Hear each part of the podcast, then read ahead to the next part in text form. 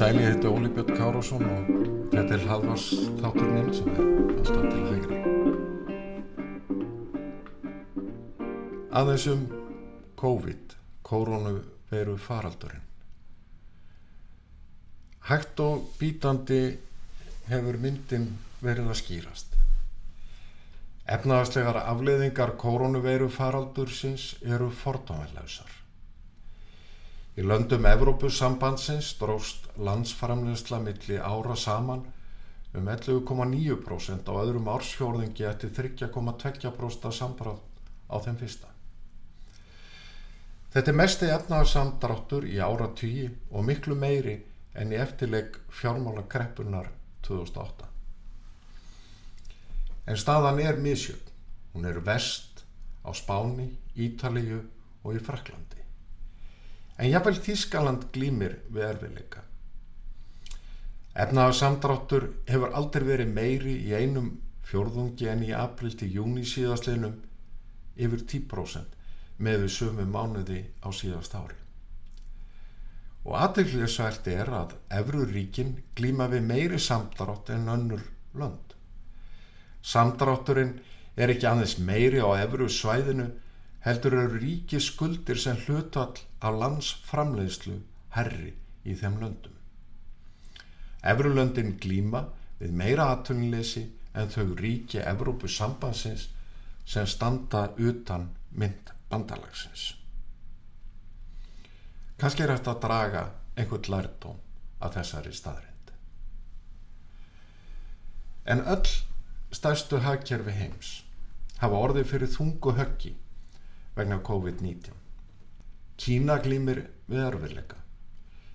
Í fyrsta skipti frá því að hagskíslu gerð hófst þar í landi mingaði landsframleysla á milli ársfjórnunga.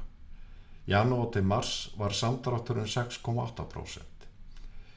Kynveð stjórnvöld hafa hins vegar gefið út að dæmið hafi snúist við og hafustur á öðrum fjórðungi hafi verið 3,2%. Hagfræðingar hafa deilt á ofinbæra hagtölur kynveskara stjórnvalda segja það ríktar til að draga upp betri mynd af efnahagsleiri framistöðu.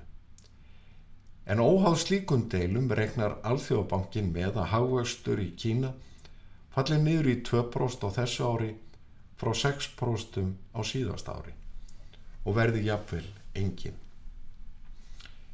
Í bandaríkjónum er staðan verri. Samdrátturinn á öðrum ársfjónangi var tæplega 9,5%. Um 15 miljónir starfa hafa glatast í efnaðarslegum remmingum vegna COVID-19.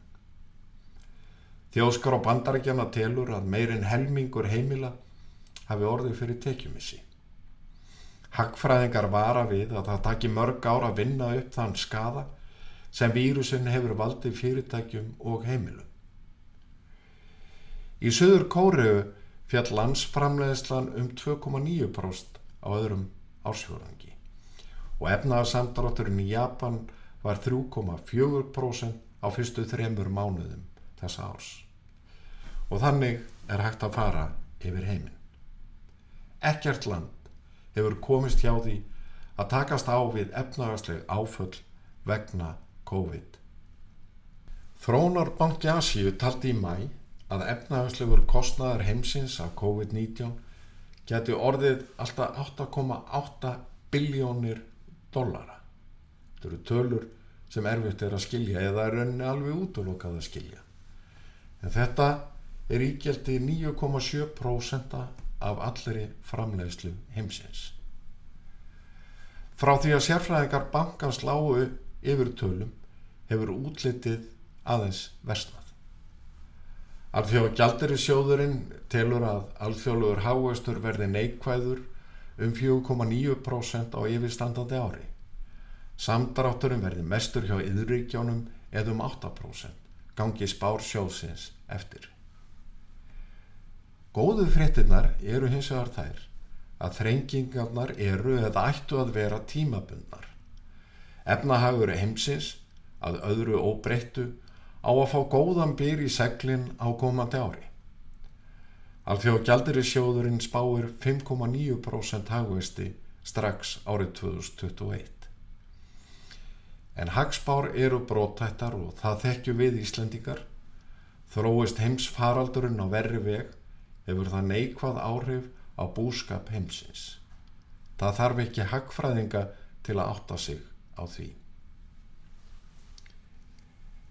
Í þjóðarspá sem byrt var undir lok júni gerði Hagstofa ráð fyrir að landsfræðislar hér á landi drægi saman um 8,4% á árinu. Gangi spáin eftir er þetta mesti samdráttur í líðveldi sögunni og þarf raunar að fara aftur til ásins 1920 til að finna verra dæmi. Sérfræðingar hagstofuna reikna hins vegar með snörpum viðsnúningi á næsta ári og að vöxtur landsframlislu verði 4,9% og að næstu árum þar á eftir verði vöxturinn 2,5-3%.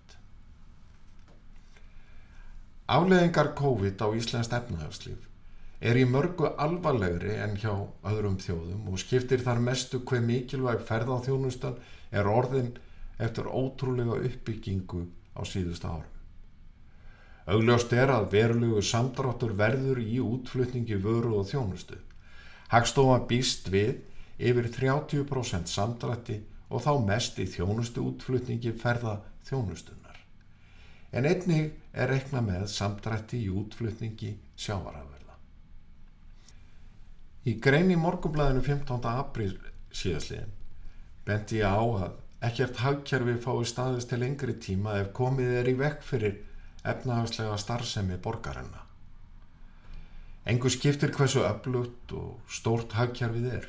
Undistöðunar byrji hægt en öruglega mólna. Velsæld breytist í fátakt og örbyrð, öflugt helbriðiskerfi brotnar niður, almannatryggingar komast í þrótt. Fylgifiskar efnahagsleira þrenginga eru pólitískur órói og sundrung. Í flestu hafa aðgerðir íslenskara stjórnvalda verið áhrifaríkar þó á stundum hafi tekið of langan tíma að rinda þeim í framkvæmt að fullu. Fyrir því eru margar ástæður, sumar kerfislægar sem er áminning um hver þunglamalegt og svifasend regluvætt þjóðfélag er orðið. En markmið ráðstafana í efnahagsmálum, ríkisfjármálum og peningamálum hefur verið skýrt að verja fyrirtækin og lífs afkomi almennings. Gripið hefur verið til róttakara aðgerða til að koma okkur í gegnum fyrsta leikluta af nokkrum eins og ég benti á í april.